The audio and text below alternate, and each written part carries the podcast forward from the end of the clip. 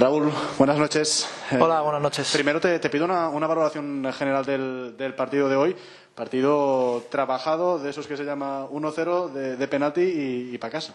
Sí, bueno, sabíamos que iba a ser un partido así, ¿no? El míster nos lleva avisando ya toda la semana de que iba a ser un partido largo, de trabajarlo desde el primer minuto y sabíamos que en los últimos minutos eh, se podía decantar para nosotros, ¿no?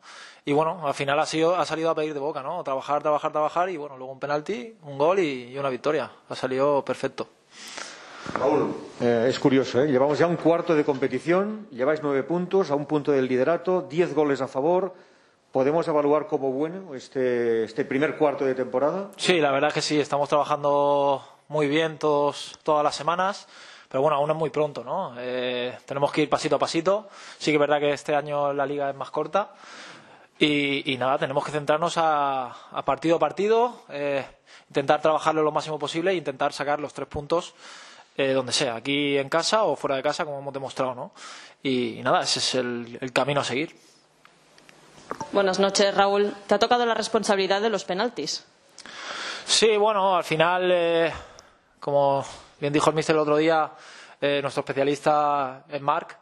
él está ahora fuera por, lesión y, bueno, eh, me ha tocado a mí, yo lo, asumo con, mucho gusto y, con mucha confianza, ¿no? Eh, también podría haber otros compañeros que podrían haber tirado perfectamente, pero bueno, me ha tocado a mí, me veo con confianza, me veo bien y, bueno, y de hecho, pues hoy por lo menos le ha servido al equipo para, para la victoria, ¿no? Que eso es lo más importante. Raúl, preguntarte por, cómo estás físicamente, porque llevas mucha carga de, minutos esta temporada, estos dos partidos consecutivos también con, muchos minutos. Físicamente, ¿cómo estás?